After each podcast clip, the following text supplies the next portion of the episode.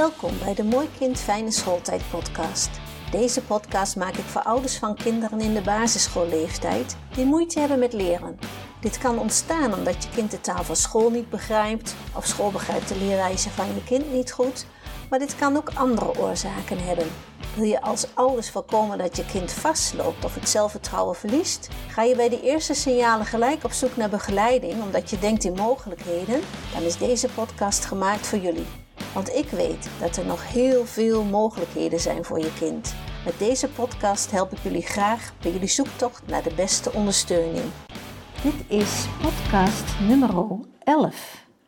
En daar ben ik best trots op. En deze keer wil ik het graag met jullie hebben over wat doe je als psychomotorisch leer- en gedragsspecialist. Het is een prachtige titel, vind ik zelf. En daar heb ik ook best hard voor moeten werken.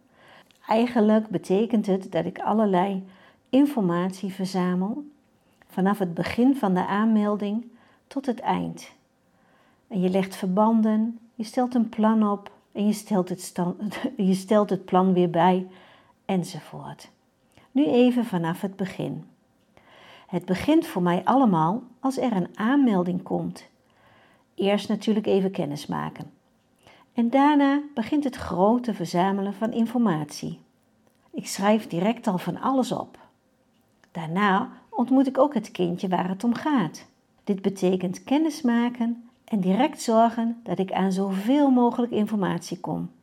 Je kan je voorstellen dat ik al veel informatie krijg over wat er allemaal speelt en wat er zeker niet lekker loopt. Wat is er al ingezet aan begeleiding? Wat heeft school al gedaan en geprobeerd? En vaak is er al fysiotherapie ingezet of logopedie.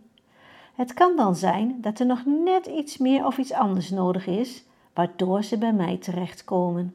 Zo'n eerste ontmoeting vraagt vaak veel van de ouder, de ouders en het kind. Vaak zijn vooral de kinderen zenuwachtig. Ze weten best waarom ze bij mij komen. Ik ben degene die ook nog eens aan dat zere punt gaat zitten. Ja, daar zit niemand op te wachten.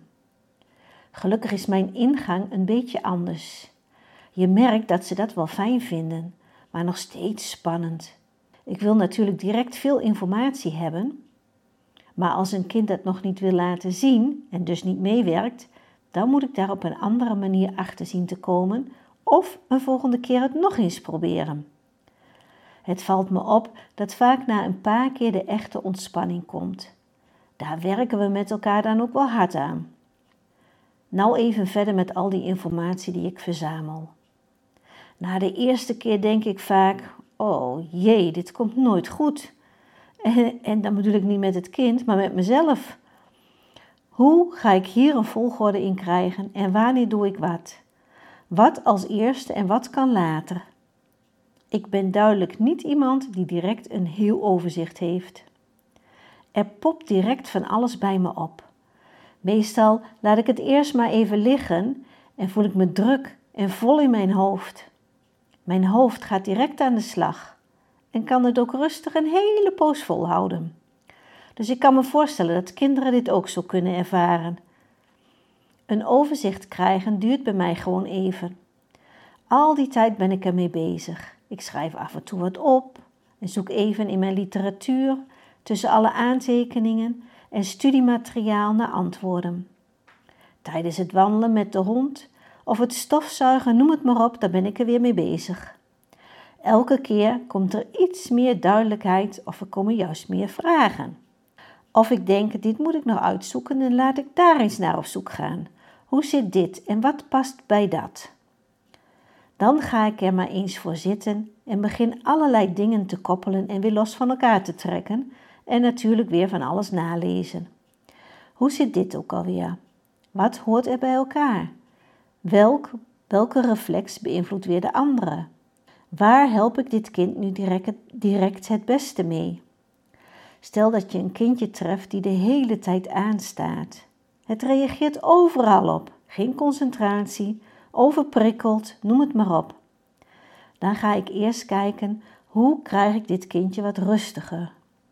Of als een kindje nooit gekropen heeft, dan heb je een hele grote kans dat het bijvoorbeeld moeite heeft met het kruisen van de middenlijn.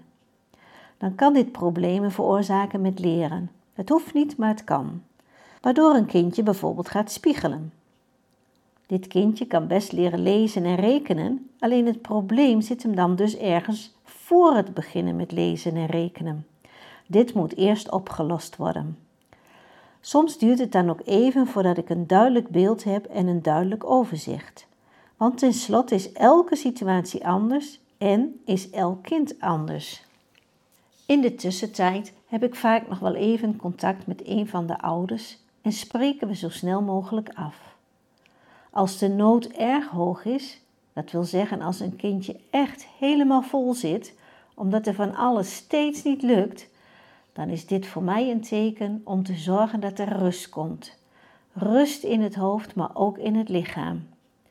De eerste oefeningen zullen dan ook oefeningen zijn waardoor er rust komt. Ik laat aan alle onderzoekjes even zitten. Soms kan ik in één keer aan alle informatie komen en soms duurt het gewoon een paar sessies. Dit neemt niet weg dat ik dan al een heleboel kan betekenen. Juist omdat je al informatie via de ouders of via de school hebt gekregen en dan heb je al een globaal idee wat er speelt. De rest kom ik dan de tweede of de derde sessie wel achter. Wat ik al zei, de kinderen weten ook wel dat ze niet voor niets bij me komen en dan gaan ze zich als ware clowns gedragen. Allemaal ontwijkgedrag of uitstelgedrag. Maar uiteindelijk lukt het me om tot een totaalplaatje te komen. Voor sommige informatie moet ik dan inderdaad even wachten. Dan is het onderzoek gaande, zullen we maar zeggen. Ondertussen probeer ik dan uit mijn eigen chaos een logische lijn te maken, zodat er begonnen kan worden. Dit vraagt voorbereiding en daarna inzet van de ouders en het kind om te gaan oefenen. Gelukkig vallen de oefeningen wel mee en doe je ze in het tempo die op dat moment bij het kind past. Iets wat al een hele poos in je systeem zit, verander je niet in drie oefeningen.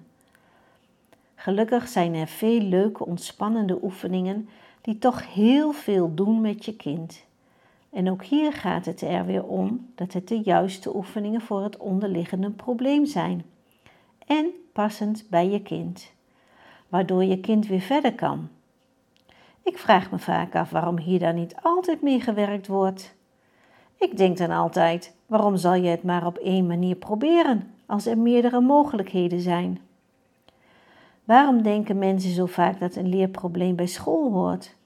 Stel dat iemand niet kan lopen op dit moment, dan weten we al van tevoren dat een hardloopwedstrijd er nog niet in zit. Maar ga je natuurlijk eerst aan de slag met de spieren weer op te bouwen en leer je zo iemand weer lopen, stapje voor stapje vooruit. Dan zou die uiteindelijk wel aan die hardloopwedstrijd mee kunnen doen. Maar als bij een kind het lezen niet, niet goed lukt, dan ineens kijken we alleen naar het niet kunnen lezen. En niet naar of dit kind bijvoorbeeld de saccades wel kan maken. Of dat als het letters omdraait, waarom dit gebeurt. Je gaat dit echt niet oplossen door meer te oefenen. Als je aan een kind vraagt welk woord langer is, kabouter of reus, en het antwoord reus, dan weet je al dat het woordbeeld nog niet goed gemaakt wordt. Het plaatje klopt, daar kun je niets van zeggen, maar het woordbeeld wil nog helemaal niet dan zul je hiermee aan de gang moeten. Ervoor zorgen dat er een woordbeeld gemaakt gaat worden. En meer oefenen op dezelfde manier helpt dan niet. Als je gaat leren autorijden, begin je ook niet in een superdrukke stad. Je begint dan ook stapje voor stapje. En als het schakelen niet goed lukt, dan blijf je daar wat langer op oefenen. Zo denk ik er ook over met de kinderen. Als je weet waardoor er iets niet lukt, dan ga je daarmee aan de gang. Daarna volgt de rest.